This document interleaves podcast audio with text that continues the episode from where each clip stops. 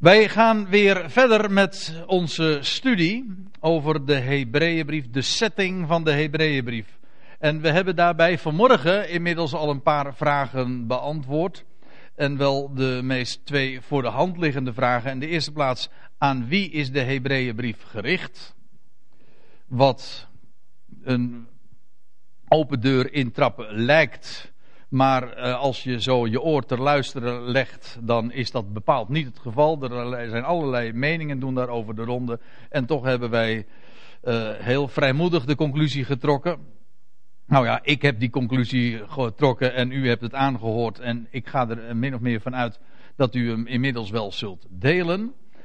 Dat deze brief met recht dus de Hebreeënbrief is, genoemd wordt. Het is gericht aan de Hebreeën.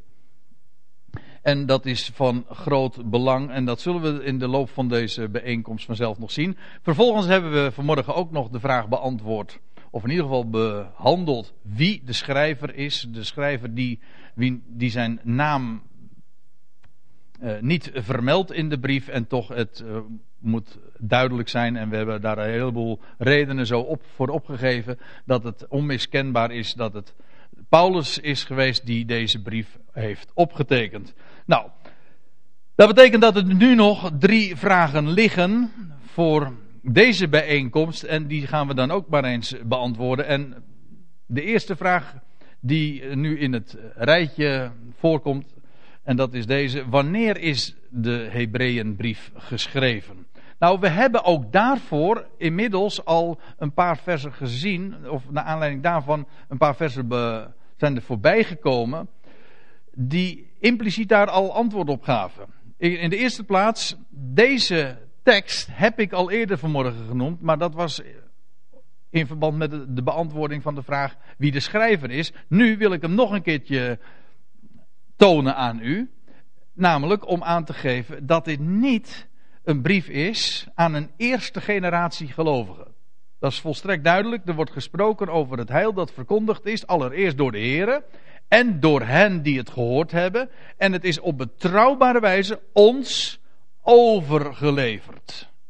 Dus hier praten we dus over informatie die door anderen is overgeleverd. En dat is dus typisch uh, de, een uitdrukking die aangeeft dat we hier te maken hebben met een tweede generatie. Uh, we vinden daar in de brief nogal heel wat meer aanwijzingen voor hoor. En ik wil bijvoorbeeld wijzen op Hebreeën 5, waar, de, waar Paulus, want zo noem ik hem inmiddels met gemak. Dat doe ik altijd, ik verspreek me heel vaak daarover, maar nu heb ik, nu heb ik de redenen gegeven, de bonnetjes erbij geleverd. Dus we noemen hem gewoon voortaan Paulus, want dat kan niet missen. Uh, vers 12 van Hebreeën 5, want hoewel gij naar de tijd gerekend leraars behoorde te zijn, hebt gij weer nodig dat men u de eerste beginselen van de uitspraken Gods leert. En gij hebt nog melk nodig, geen vaste spijs. Deze tekst noem ik, niet omdat we net lunch hebben gehad. Dat zou ook nog kunnen. Nee, ik noem hem omdat hiermee hier aangegeven wordt dat er inmiddels al een hele lange tijd is verstreken van die Hebreeën. En in plaats van dat men verder was gekomen, in de zin van gegroeid was in inzicht, was het eigenlijk weer nodig, zo klaagt de schrijver, om ze weer gewoon melk te geven. Alsof het pasgeboren babytjes zijn. Ze moeten weer helemaal vertrouwd worden met het ABC, de eerste beginselen, uh, het ABC, de elementen van uh, het evangelie en van het fundamentele onderwijs. En Paulus die doet ook moeite, die heeft het over Melchizedek en die zegt van ik kan het allemaal maar zo moeilijk aan jullie kwijt. In de tijd gerekend hadden jullie inmiddels al lang en breed zelf onderwijs kunnen geven, maar jullie hebben nou eigenlijk zelf weer onderwijs nodig en, en dan nog wel onderwijs over de eerste beginselen. Nou, dat is niet wat je progressie noemt, hè? Naar de tijd gerekend hadden ze leraar behoorden te zijn. Dat betekent ook hier, dit is ook een aanwijzing dat we dus eh, eh, te maken hebben met een, een, een gemeenschap, een geloofsgemeenschap die al uh, lange tijd op de weg is. Hoewel zij, ik zeg op de weg, maar zij raakte van het pad, het, het pad kwijt eigenlijk. Hè? Maar goed, De tweede generatie, dit wordt, dat wordt hier wel bevestigd. Hebreeën 10. Herinnert u de dagen ooit van weleer, toen gij na verlicht te zijn zo menigmaal lijden doorworsteld hebt. Trouwens, daar lezen we in het boek Handelingen ook van. Over de enorme vervolgingen in Jeruzalem en in Judea. Ja. Deze tekst is ook al voorbij gekomen, maar nu, nu noem ik hem opnieuw, maar ter beantwoording van een andere vraag. Weet dat onze broeder Timotheus in vrijheid is gesteld, of losgelaten is, of vrijgesteld is. Van wat dan ook, dat maakt niet uit. Als hij spoedig komt, zal ik met hem u bezoeken. En dan staat er nog bij, in vers 24, de broeders uit Italië laten u groeten. Hey, dat is eigenaardig. Dat betekent dus dat, we, dat Paulus zich in, uh, kennelijk in Italië, vanuit Italië deze brief schrijft. En de, zijn, zijn broeders die daar, zich, die daar bevonden, hij brengt de groeten over. En ook dat plaatst ons meteen in een bepaalde tijd. Namelijk in, ergens in de zestiger jaren van de eerste eeuw. Ja, dat kan niet missen. Geschreven vanuit Italië. En Paulus was inmiddels in Rome, meer speciaal. En vandaar ook deze van, vandaar ook dit taalgebruik. Zodat we niet alleen maar hier aanwijzing geven, vinden van wie de schrijver is, maar ook zelfs wanneer het geschreven is. Met het boek Handelingen ernaast kom je er gewoon uh, met gemak uit. De zestiger jaren, eerste eeuw vanuit Italië, kennelijk geschreven.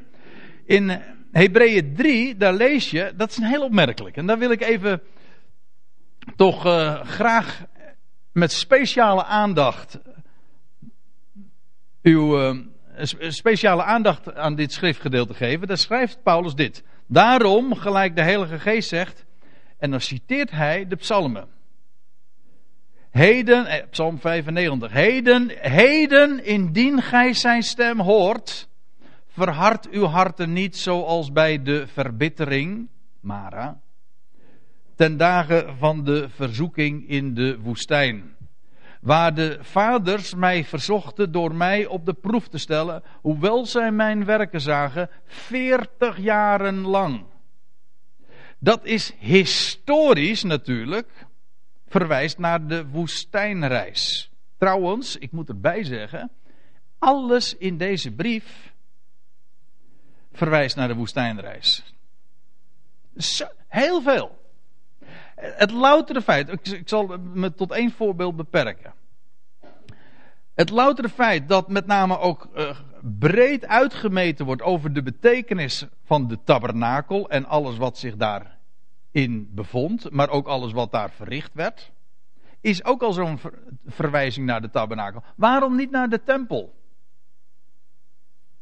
Nee, het is de tabernakel die uitgelegd wordt en die, waarvan de betekenis wordt aangegeven telkens weer die verwijzingen naar de, naar de woestijnreis en naar Jozua, die hen niet in de rust heeft gebracht. Dat is Hebreeën 4 dan trouwens, dat volgt uh, op dit hoofdstuk.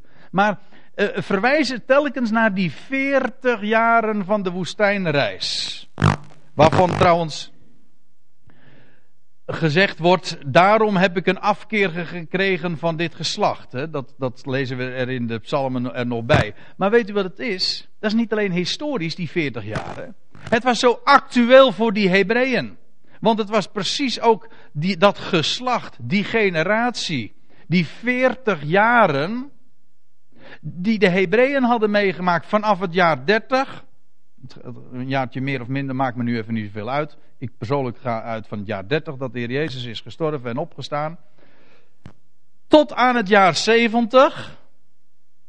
Precies 40 jaren dat God hardhandig, mag ik wel zeggen, een einde maakte aan de complete tempel en de hele offerdienst en sterker nog de hele stad Jeruzalem in vlammen opging. 40 jaren.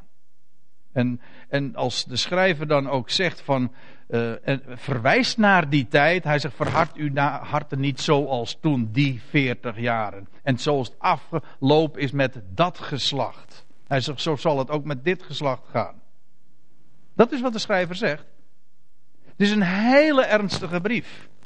En als je begrijpt dat Paulus hier vanuit Italië zich richt tot de Hebreeën, het volk daar in Jeruzalem, dat vasthield en weer zelfs helemaal terug dreigde te vallen in de tempeldienst en sterker nog in het Jodendom en daarmee de Messias zou afzweren. En wetend wat er binnenkort zou gaan gebeuren, ja wij praten nu achteraf, maar de schrijver wijst erop op het grote drama dat binnenkort nog een, Hebreeën 10 zegt, een korte, korte tijd zou er een enorm drama gaan plaatsvinden. Ja, in het jaar 70. Dat is ook daadwerkelijk vervuld. Ik kom daar straks op terug. Maar ik wil er nu alvast even op wijzen dat deze brief niet geschreven is zo in die eerste jaren van de handelingenperiode. Nee, aan de in de laatste jaren van de handelingenperiode. Het plaatst ons achter in het boek Handelingen. Toen er inmiddels al een tweede generatie was gekomen die van de dingen niet uit eerste hand wist, maar die gewoon dat overgeleverd had gekregen. En we praten dus over de periode tussen 30 en 70 van onze jaartelling, van die eerste eeuw. Die 40 jaren. En als hier dan ook verwezen wordt naar de, naar de periode in de, van de woestijnreis, dan is dat zo veelzeggend. Is veel meer dan alleen maar een, een verwijzing naar een toevallige periode. Nee, het is namelijk exact dezelfde tijd die synchroon loopt feitelijk met de periode die de Hebreeën zelf hadden meegemaakt. Ja. En dat brengt ons meteen ook, als ik dit zo geformuleerd heb, bij het doel van deze brief. Deze brief, ik zei u al, is buitengewoon ernstig. Hoe vaak? Van in hoofdstuk 1 is dat al het geval. Hoofdstuk 2, hoofdstuk 3. Iedere keer wordt er gewaarschuwd voor afval om het te vervallen. Afval van de levende God. Dat men niet de rust zou ingaan. Dat is trouwens ook Hebreeën 4. Hè. Beijvert u om de rust in te gaan. Dat is een prachtige term trouwens. Je beijveren om de rust in te gaan. Nee, maar weet u waar het om gaat? Het gaat erom dat ze zouden blijven en niet zouden afwijken van geloof. En geloof is rust. Geloof heeft te maken namelijk met wat God belooft. En daarop zouden ze staan. En niet terugkeren naar al die rituelen en van het Jodendom, die trouwens eh, rituelen die al binnenkort allemaal hardhandig een, eh, een einde, waar uh, een einde aan gemaakt zou worden. Dat is waar het om gaat. En deze brief is ernstig omdat het waarschuwt voor, voor een drama dat aanstaande is. Ik zal dat straks ook nog laten zien. En, en juist daarom ook uh, deze gelovigen een hart onder de riem steekt. En dat ze, dat nou ja, laten we, laten we maar zo eens een paar dingen noemen die de schrijver ook aangeeft. Hij zegt in hoofdstuk 8. Aan het einde van, die, van een hoofdstuk dat hij, dat hij een lang citaat trouwens ook heeft gegeven over het oude verbond en het nieuwe verbond. Dat gesloten zou worden met Israël en met Juda. Wat trouwens ook opnieuw weer een aanwijzing is voor de, voor de adressering van de brief. Hm? Maar goed, dan zijn we inmiddels bij het einde van, van dat hoofdstuk, Hebreeën 8. En, daar zegt, en moet u eens opletten wat Paulus dan zegt. Als hij spreekt van een nieuw verbond, heeft hij daarmee het eerste voor verouderd verklaard. En nou komt het. Wat verouderd en verjaard, zegt hij, hij zegt, is nabij, is nabij de verdwijning. Dat is de Statenvertaling, de MBG zegt, is niet ver van verdwijning. Maar de betekenis is natuurlijk volkomen identiek. Het gaat erom dat dat oude verbond en alles wat daarmee verband houdt, die hele tempeldienst en, en zoals dat, dat functioneerde in Jeruzalem, wel, dat was voor oud verklaard. Ja, ja want er is, was inmiddels een nieuw verbond. Weliswaar, de sluiting van dat nieuwe verbond is nog toekomstig, maar de basis, het bloed van het nieuwe verbond heeft gevloeid. En dat hele bestel van, van, waarbij God volledig alle verantwoordelijkheden op zich neemt, want dat is de essentie van het nieuwe verbond. Geen last meer op de schouders van, van het volk. Nee, God neemt alle verplichtingen op zich en hij belooft alleen maar. Lees het maar na in, Hebree, in Hebreeën 8, maar ook in Jeremia 31. God zegt niet meer van jullie moeten of zo. Geen last, maar ik zal hun zonden niet meer gedenken. En ik zal mijn wetten in jullie harten schrijven. En ik zal, ik zal, ik zal. Het is alle zeven keer ik zal. Mooi, zeven keer. En niet ene keer iets dat, wat, wat van de mens verwacht wordt. Dat is de essentie. Nou, als daar sprake is van het nieuwe verbond, zegt, zegt uh, Paulus. Dan moet het duidelijk zijn dat het, dat, het, dat het oude dus met recht verouderd is verklaard. Hij zegt, en wat verouderd en verjaard, dat is niet ver van de verdwijning. En dat oude verbond en alles wat erbij hoort, dat zou binnen zeer afzienbare tijd daadwerkelijk gaan verdwijnen. Een plaatje wat u hierbij ziet, dat uh, illustreert het ook. Want hier ziet u ook dat de tempel uh, in, in het jaar 70, dit is een, een, een, illustratie zoals dat gegaan moet uh, zijn. Dat de menorah en alle attributen van de tempel zijn meegevoerd. Naar Rome trouwens. En de tempel is compleet in as. in rook en as verdwenen. En niet alleen de tempel, maar ook de hele stad. U moet zich realiseren, deze brief is dus geschreven in de zestiger jaren. En binnen een paar jaar, het hangt ervan af wanneer de brief exact is geschreven. Maar in elk geval, binnen zeer afzienbare tijd, zou dit allemaal zijn beslag krijgen. Niet ver van verdwijning. Ziet u hoe concreet dat voor die Hebreeën was? Hebreeën 10. Want indien wij opzettelijk zondigen, nadat wij tot erkentenis der waarheid gekomen zijn, blijft er geen offer voor de zonde meer over. Ook dit moet je weer zien in dat kader van wat daar aan de hand was. Deze mensen stonden onder enorme druk. Dat wil zeggen, ik heb het u over die Messias gelovige Joden. Dat ze de, je leest in Hebreeën 10 dat ze de zoon van God moesten, werden ze toe verplicht, gedwongen, om de zoon van God met voeten te treden en het bloed, uh, op, het, uh, op het bloed te spuwen. En daarmee ook aan te geven, radicaal afstand te nemen van hun beleidenis dat Jezus is de Messias. Ze, het, het punt is, het ging er niet om dat zij niet langer meer geloofden dat Jezus de Messias was. Dat wisten ze. Ze waren tot erkenning van die waarheid gekomen. Maar nu waren ze. Nu, nu dreigden ze te bezwijken onder de druk. En waren ze afgevoerd eigenlijk ook van de genade. Maar daar hadden we het al eerder over. En zouden ze. Ze waren tot erkentenis van de waarheid gekomen. En opzettelijk zondigen. Dat wil zeggen, men, week, men wist dat ze afstand namen van de waarheid. Paulus doet ook in deze brief geen moeite om aan te tonen dat Jezus de Messias was. Dat wisten ze.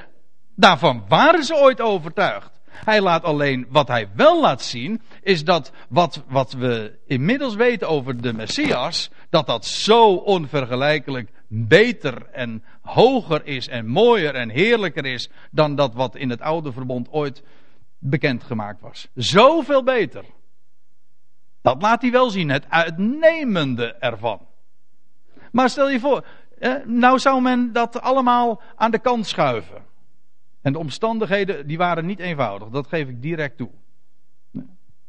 Men lezen de Joodse oorlogen van uh, Flavius Josephus die, die daar uitgebreid over geschreven heeft, over die zestiger jaren van, en, en de uiteindelijke val van Jeruzalem en wat er allemaal gebeurd is. Dat is. Ik kom daar straks nog even op terug, ik zal het ook voorlezen vanuit de encyclopedie. Dat is een vreselijke tijd geweest. De druk was enorm.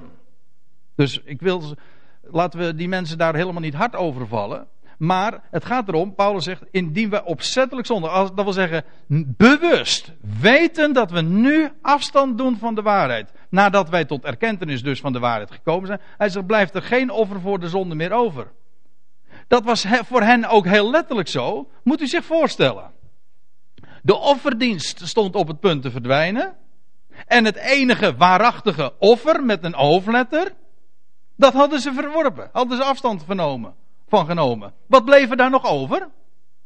Het offer was afgewezen en de offerdienst zou gauw verdwijnen. Kortom, dan bleef er geen offer meer over. Met recht. Heel letterlijk. Concreet. Ziet u? Maar staat er, eh, vervolgt Paulus dan in Hebreeën 10, maar een vreselijk uitzicht op het oordeel en de felheid van een vuur dat de weerspannige zal verteren. En we hadden het er al over, dat gaat natuurlijk over de hel, want zo wordt het altijd uitgelegd. Maar daar gaat het helemaal niet over. Het gaat hier over dat drama wat binnen een paar jaar daadwerkelijk zou gebeuren. Dat alles in vlammen zou. Tenzij men de wijk zou nemen en de stad zou verlaten. Ik kom er straks nog op terug. Zou men dit ondergaan?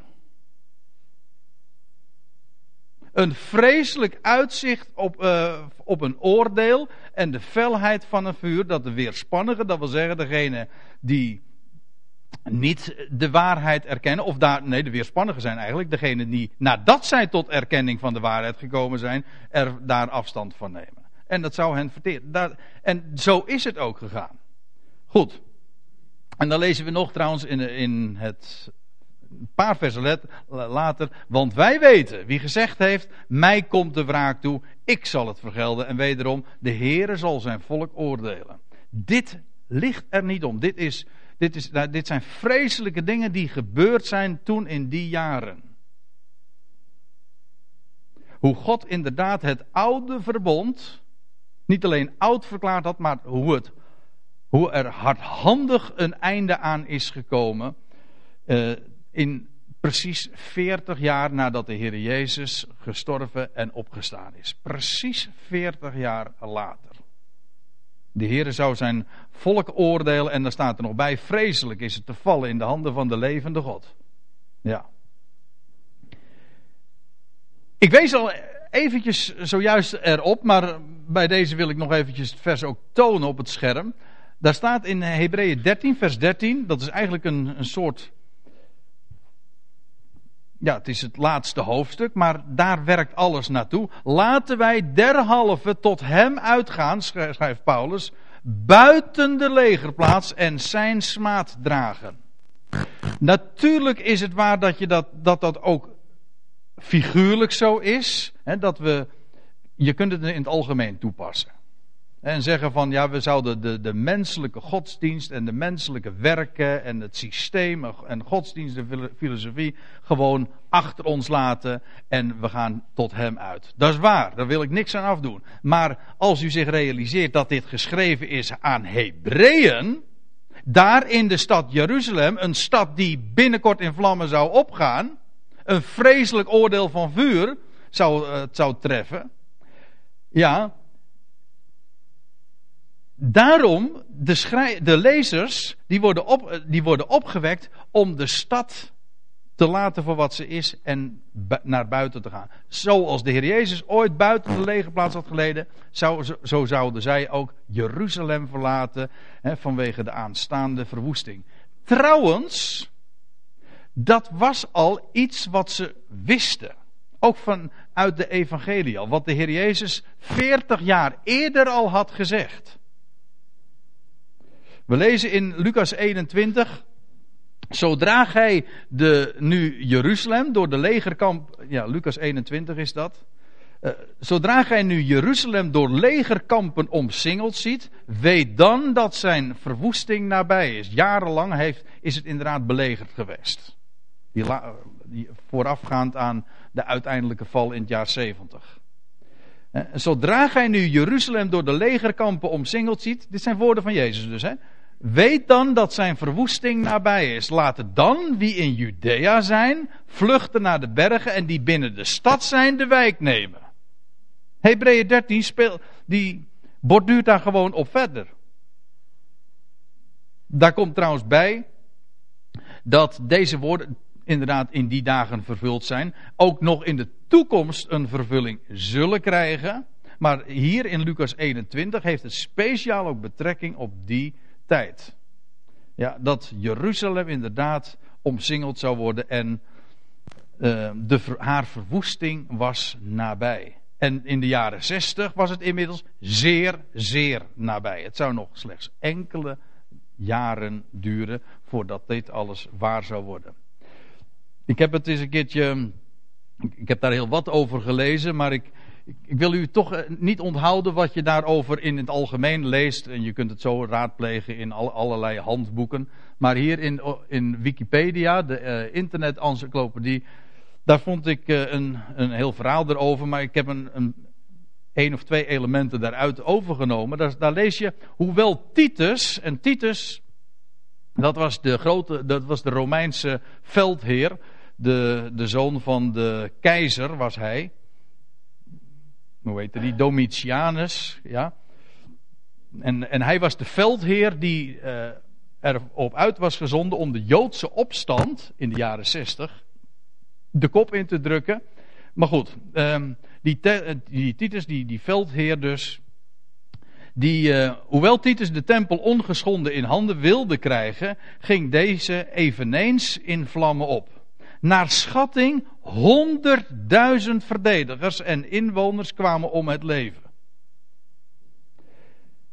Het totale aantal slachtoffers van deze oorlog, van deze Joodse oorlog, wordt geschat op 600.000 tot 1,3 miljoen doden. Een enorm drama heeft zich daar voltrokken. De Romeinen slachten hele families af, waaronder iedereen die ze ervan verdachten een afstammeling te zijn van het huis van David. Niet weten dat de zoon van David inmiddels al lang in veiligheid was gebracht. Dan moet ik meteen weer denken aan die geschiedenis van, uh, van die kleine Joas. Hè? Ja. Maar goed, dat eventjes voor de kenners. Hè?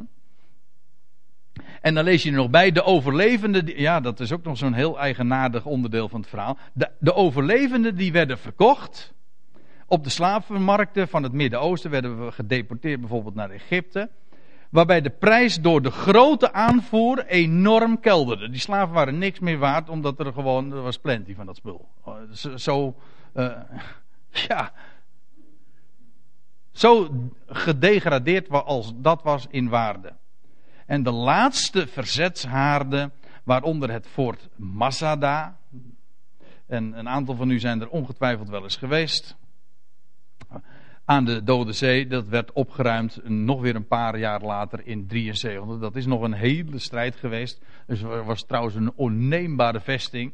Hè, want uh, daar, kon je, daar kon je eigenlijk niet fatsoenshalve komen. Maar goed, uh, dat is uh, tot op de dag van vandaag een, een, een, enorm begrip. Met name de laatste eeuw is dat weer... Is, is dat haast legendarisch geworden, hè? Mazada. Voor een Israëli heeft dat een grote betekenis. Een Israëlische soldaat legt hier zijn, zijn, de, de belofte ook af voor, eh, voor, om in militaire dienst te gaan. Mazada. Goed, dat is een, staat model voor het, het, het, het verzet. Hè, en staat model ja, voor het verzet tegen de Romeinen. Nou, hoe dan ook. Die, dat is wat daar heeft eh, plaatsgevonden aan het einde van die, van die 60er jaren. En in, met name dan in het jaar 70, toen 70, toen er ook geen ene steen op de andere is gelaten van de hele tempel. Waarbij je trouwens ook vragen dan kunt gaan stellen. Maar dat is een ander onderwerp over de klaagmuur. Hè? Waar zou die nou van dateren? Of uh, waar zou dat nou een restant van zijn? Van de tempel? Of gewoon van het Romeinse Fort Antonia? Maar, de, terwijl ik het zeg, denk ik, André, wat breng je nou weer te sprake? Want dat is een heel ander onderwerp. Maar goed, ik kon het even niet laten. Het gaat er maar even om. Die hele stad is compleet met de grond gelijk gemaakt. Zelfs heuvels zijn compleet geslecht. De berg Sion is bijvoorbeeld uh, is, is gewoon vlak gemaakt. Dat, uh, uh, dat valt, is met geen pen te beschrijven. Nou ja, Flavius Josephus heeft dat geprobeerd. Wat er heeft gebeurd.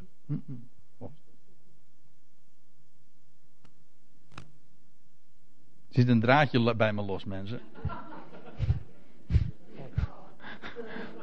Dat is, dat is ook ernstig hoor. Toch probeer ik het tot een goed einde te brengen. Extern, ja, ja, ja. Maar goed. De, dat is wat ik wou zeggen. De stad is compleet met de grond gelijk gemaakt. En de tempel is in vlammen opgegaan. Dat is wat er gebeurd is. En dat is waar de schrijver van de Hebreeënbrief op wijst. Dan wil ik nog, eh, als we dan toch met plaatjes bezig zijn. Dit is de boog. Ik ben nooit in Rome geweest. Dit heb ik dus nooit met eigen ogen gezien. Maar dit is uh, vrij pontificaal. Dit heb jij wel gezien, waarschijnlijk, Priscil. De boog ter ere van Titus. Hij wordt altijd de, de Titusboog genoemd. Dat is niet helemaal terecht, of in ieder geval, het is niet de boog die Titus zelf heeft opgericht. Het is namelijk postuum voor hem uh, klaargemaakt door zijn broer, die toen de keizer werd. Waarvan ik even de naam kwijt ben. Maar in elk geval, in, ik geloof dat hij in 81 van, van de eerste eeuw is deze boog daar neergezet. Dat was een, een, kolossaal geval. Allemaal ter ere van Titus, dat, uh, die enorm vereerd werd voor, voor, al, voor al zijn heldendaden. Titus, de veldheer in de strijd tegen Jeruzalem. Ja. En met, als je trouwens op de afbeeldingen kijkt, op, dat, op die boog, dan zie je ook nog voorwerpen. Je ziet het hier. De menorah die is meegenomen. Voorwerpen uit de tempel worden als krijgsbuit meegevoerd. Want daar was al eerder was daar een gigantische aanslag gepleegd op alle schatten van de tempel. Waar je trouwens niet gering over moet denken. Dat had trouwens uh, keizer Nero ooit al eens een keertje laten doen. Het enorme goud verwijderd en, uh, en alle schatten. En ook de tiende trouwens, die, uh, die de Joden daar brachten, hadden ze alle, hadden die allemaal gewoon zich toegeëigend. Onrechtmatig, uiteraard. Goed, nou dat eh, wat je nu dus nog in Rome ziet, dat, dat zijn nog de stille getuigen van, wat, van dat drama wat daar ooit zich in Jeruzalem heeft voltrokken. En waar de schrijver van de Hebreeënbrief zo ernstig op wijst wat er zou gaan gebeuren. Goed, nou, met dit in gedachten. Wie de schrijver is, dat is in wezen nog het minst interessante of belangwekkende in dit verband. Maar goed, het, uh, het, draagt allemaal wel uh, bij tot begrip, maar vooral aan wie het gericht is, in welke tijd en wat er op, op handen was, stond uh, op wat er ja, op handen was, maar ook wat er zou gaan gebeuren. Het, het enorme drama wat zich zou gaan voltrekken. Wel, als je dat begrijpt, dan ga je ook die allerlei passages die zo moeilijk zijn en waar ik vanmorgen de eerste bijeenkomst al over begon, hè, mensen die ja, die het pad kwijt zijn, ja, geraakt, denken ze dan. Maar ze zijn echt het pad kwijtgeraakt doordat ze de schrift niet verstaan.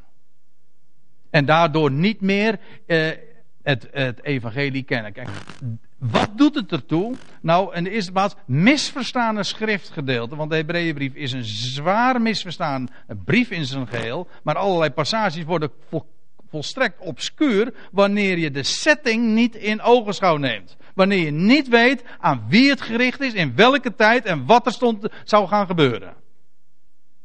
En laten we nou dat hele gedeelte, of dat, die, die versen die ik vanmorgen al eventjes liet zien, laten we die nu nog één keertje lezen. Als je eenmaal weet wat de setting is, hè, als Paulus dan schrijft, het is onmogelijk, degenen die eens verlicht zijn geweest, van de hemelse gaven genoten hebben, deel hebben gekregen aan de Heilige Geest. En het goede woord Gods en de krachten van de toekomende eeuw gesmaakt hebben. Weet u wat hier beschreven wordt? De glorie van de handelingenperiode. Dat wat, wat het Joodse volk ten deel viel. Op de Pinksterdag en, en al die tijd daarna. Toen ze inderdaad rijkelijk mochten smaken en proeven van de, van de krachten van de toekomende eeuw. Die trouwens op dat moment ook uh, zeer aanstaande was. Men, zou, men verwachtte dat. De Israëls bekering, dat was, uh, dat was de grote doelstelling van het evangelie van de besnijdenis. En Petrus die dat op het tempelplein gepredikt heeft. Kom tot berouw en bekering, opdat de Christus die, die tevoren is opgenomen in de hemel, zal terugkeren. En tijden van verademing zal doen aanbreken. Dat was de prediking in die dagen. En, en ze hebben de hemelse gaven genoten. Ze hebben deel gekregen aan, aan dat wat, wat de Heilige Geest allemaal gaf. Ze zijn verlicht geweest. Het woord is hen gepredikt. Al die dingen, het is hen getoond. Het is bewezen. Nou, het is onmogelijk, degene die eens verlicht zijn geweest, et cetera, en dat gesmaakt hebben. Nou, en daarna afgevallen zijn, weder opnieuw tot bekering te brengen. Ja, waarom? Nou, dat is nogal logisch. Wat kon hen nog gebracht worden. Het evangelie van de Messias hoefde je hen niet meer te prediken. Want dat hadden ze verworpen. Dus hoe zouden ze ooit nog weer opnieuw tot bekering gebracht kunnen worden? Met, naar de mens gesproken, bij God is niks onmogelijk, dat weet ik ook wel. maar naar de mens gesproken was dat gewoon voorbij. Ze hadden, dat was trouwens hier in dit geval ook uh, het punt, ik, ik gaf het zojuist al even aan. De Hebreeën wisten dat Jezus de Messias was. Daar was de twijfel niet over. Daar gaat de Hebreeënbrief ook niet over.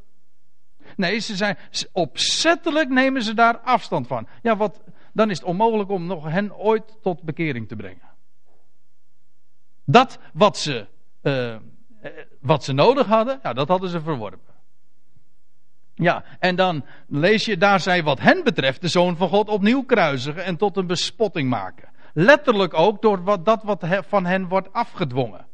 ze, moesten het, ze moesten spugen op de boodschap, letterlijk, moesten ze daarop spugen en ze moesten de Zoon van God, moesten ze met voeten treden.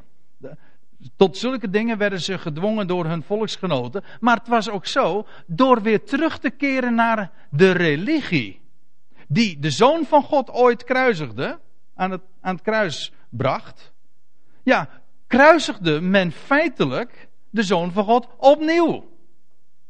Ooit hadden ze er afstand van genomen. Ze hadden zich laten, laten dopen en, en hadden ze afstand genomen van dat verkeerde geslacht. Zo lees je dat ook in handelingen. Ja, en nu keerde men weer terug. Maar daarmee maakte men opnieuw weer deel uit van datzelfde, van die religie die de Zoon van God had gekruisigd. En kruisigde men de Zoon van God dus weer opnieuw. En maakte men hem tot een bespotting. Want staat er dan in vers 7: De grond die de regen, welke er telkens opvalt, indringt en gewas voortbrengt, geschikt voor hen ter wille van wie hij ook bewerkt wordt, die ontvangt zegen van God. Kijk, daar spreekt de schrijver natuurlijk ook uitgebreid over. Over die zegen van God. Namelijk die gelegen is in geloof in Gods belofte. Niet in werken, niet in rituelen, maar alleen in Gods belofte. Maar daar namen ze afstand van. Of in ieder geval, dat dreigde voor het, voor het merendeel. Die en dan staat er nog bij in vers 8: Doch als die doornen en distelen draagt, dan is die ondeugdelijk en niet ver van de vervloeking die uitloopt op verbranding. Ja. Los van zijn context, los van de setting van de brief, zoals we dat vandaag ook hebben overwogen, begrijp je zo'n vers nooit. Dit gaat namelijk over de totale verwoesting en ondergang en verbranding van Jeruzalem enige jaren nadat deze brief geschreven is aan de Hebreeën. Heel concreet, zonder dat daar allerlei, zonder dat je daar mythologische voorstellingen van de hel of bij moet betrekken, wat altijd gedaan is. Kijk, hier zijn mensen altijd bang mee gemaakt. En waarom kon men dat doen? Omdat men gewoon de, totaal geen inzicht had in de bijzondere boodschap van, van Paulus en de, het evangelie van de besnijdenis. Men gooide alles door elkaar. En dat is. Uh, dat vind ik trouwens ook dramatisch. Want daarmee doe je namelijk het evangelie van Gods genade zo tekort. Dit heeft. Dit, hier hoef je namelijk. Dit hoef je niet te vergeestelijken. Dit moet je nemen zoals het er staat die over die vervloeking, eh, dat wil zeggen dat vervloeking wil niks anders zeggen dat de zegen onthouden wordt. Hè? De, zegen, de zegen wordt weggenomen. En wat blijft er? Oh, wel uh, verbranding. Het loopt uit op verbranding. Precies zoals het is gegaan. Ik doe daarmee dus niets af van de ernst. Integendeel, ik laat u juist zien hoe ernstig dit alles waar is geworden. En dat is van belang om zo'n passage in Hebreeën 6, maar ook Hebreeën 10 om te lezen. En de hele setting en het doel en het oogmerk van de brief in ogenschouw te nemen. Nou, dan kom ik tenslotte nog op één uh, onderdeel dat ik toch ook niet uh, onaangeroerd wil laten. Kijk, we lezen in Hebreeën 6, maar dat is een vergissing, dat is Hebreeën 11 natuurlijk moet dat zijn. Waar in deze brief op gewezen wordt, eigenlijk vanaf het begin. Maar hoofdstuk 11 is natuurlijk het, het machtige hoofdstuk over de, zoals dat dan altijd genoemd wordt, de geloofshelden. Maar ik heb het liever over de geloofsgetuigen. Mensen die allemaal hebben gewandeld in geloof. En, er is, en Paulus, die, die, die laat ze allemaal de revue passeren. En, en, en dan noemt hij een Abel. En dan noemt hij Noach. En dan noemt hij Abraham. Met name dan ook. Die allemaal geleefd hebben in geloof. En waarom, waarom brengt hij dat ter sprake bij die Hebreeën? Wel omdat die dat ook moesten leren. Hij, zegt in vers 12: In dat geloof zijn deze allen gestorven. En dan zegt hij erbij, zonder de belofte verkregen te hebben. Dat waar ze ooit, waar, waar ze op hadden gerekend, waarvan, waarvan ze hadden gedacht dat ze het in hun leven nog zouden zien. Die Hebreeën, die hadden gedacht dat het koninkrijk in hun dagen openbaar zou worden. Nou, die worden nu bemoedigd. Een hart onder de riem gestoken. Hij zegt, kijk nou eens naar al die, die mensen die jullie zijn voorgegaan. Hij zegt, zonder de belofte verkregen te hebben. Slechts uit de verte hebben zij die gezien en begroet. En ze hebben beleden dat zij vreemdelingen en bijwoners waren op aarde. Hier niet tellen, meetellen. Ja, ik, ben haast geneigd om er dan weer de verkiezingen bij te halen natuurlijk. Hè, over, over onze, of onze stemmen dan wel meetellen. Hè? Hè? Nee, alsjeblieft, laten we de politiek er buiten houden. Ja, al was het maar omdat we vreemdelingen en bijwoners zijn, denk ik dan. Maar goed, deze mensen hebben in dat geloof, die, die maken geen deel uit van het systeem en het zal allemaal wel goed zijn. Wij zijn hier gasten en het, het gaat er eventjes om, die mensen die hebben allemaal geleefd in geloof. En geloof wil zeggen niet zien. En dat is precies wat die Hebreeën ook moesten leren. Geen zichtbare Messias. Geen Messiaans Rijk. Geen tempeldienst. Die zou binnenkort verdwijnen. Geloof alleen. En dat zie je in deze brief uh, ja, je leest in, in, in, in Hebreeën 11, ditzelfde hoofdstuk dus, over, over Mozes nog. Die was ziende de onzienlijke. Of wat dacht u van hoofdstuk 2, waar we lezen over. Uh, dan zien wij alle dingen nog niet hem onderworpen. Nee, uh, totaal niet zelfs. Maar wij zien Jezus. Gekroond met eer en heerlijkheid. Maar wel achter het voorhangsel. Hè? Kijk, geloof. Alleen geloven. Niet zien. En dat is wat deze Hebreeën moesten leren. Geen zichtbaar koninkrijk dat in hun dagen manifest zou worden. De, de krachten van de toekomende eeuw die ook allemaal verdwenen zo langzamerhand. En, en, het, en, het, en, de, en de speciale plaats van, van Israël en van die rituelen, dat zou allemaal verdwijnen. De tempeldienst uh, zou binnen afzienbare tijd compleet een einde aankomen. En wat over zou blijven, geloof alleen. Ja. En dan wil ik nog op, tenslotte op één ding wijzen. In Hebreeën 8, vers 1. En dat sluit daar natuurlijk direct op aan. Daar schrijft Paulus. Ja, over, waar gaat het nou in die brief over? Hè? De hoofdzaak van ons onderwerp is. Nadat hij een hele uitvoerige uiteenzetting heeft gegeven over Melchizedek. Weet u wel? Die, die man in de dagen van Abraham. Koning, priester. Die brood en wijn voortbracht. Het, nou ja. Hij zegt: De hoofdzaak van ons onderwerp is. Dat wij zulk een hoge priester hebben. Die gezeten is ter rechterzijde van de troon der majesteit. In de hemelen. Later, of eerder in de, in de brief had hij gezegd, Hebreeën 6 aan het einde. Achter het voorhangsel. En waar het om gaat is en dat, is de, dat was waar de Hebreeën uh, vertrouwd mee moesten worden. Degene die nog aangesproken konden worden, de, de, de grote massa, die zou inderdaad omkomen. Letterlijk in de stad. Er waren er trouwens die inderdaad de wijk hebben genomen. Dat is ook bekend. Die zijn gevlucht naar bijvoorbeeld Pella, in, uh, vlak over de Jordaan. Dat is nog steeds te bezoeken trouwens. Daar heeft, daar heeft een hele, hele meute mensen, gelovige mensen, die hebben zich, die, de woorden van Paulus en van Jezus indachtig, die hebben de wijk genomen, zij hebben de stad verlaten en die zijn inderdaad, hebben een veilig onderkomen gevonden. Ergens in de bergen. Maar goed. wat zij moesten leren. Geen zichtbare koning, nee, een verborgen hoge priester. Die trouwens wel de koning is hoor.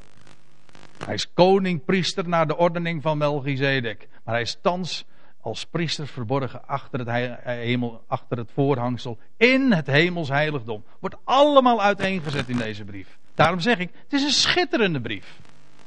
En waar het in deze brieven om, om gaat, is er wordt gewezen op, op hem. En straks, er komt een dag dat die hoge priester weer uit het heiligdom zal komen. Ja, ja, dan zal hij zichtbaar worden. En dan zal hij zijn handen opheffen zoals een hoge priester dat altijd deed op de grote verzoendag. Want dat is wat er dan zal gebeuren.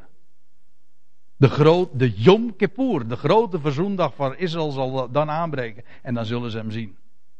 En dan zal hij inderdaad als koning zijn heerschappij opnemen. En dan zal hij koning van vrede zijn. Koning van Salem. Maar ook letterlijk in Jeruzalem zelfs. Dus in alle opzichten gaat hij dat vervullen. Hij is die persoon. Wij kennen hem vandaag. Die hoge priester naar de ordening van Melchizedek. Wel, die dingen die uh, worden in deze brief ter sprake gebracht. En het is schitterend. Maar één ding hoop ik dat ik u vanmorgen, of en, ja, vanmorgen en vanmiddag duidelijk gemaakt te hebben. Hoe enorm belangrijk het is om de setting van de Hebreeënbrief te verstaan.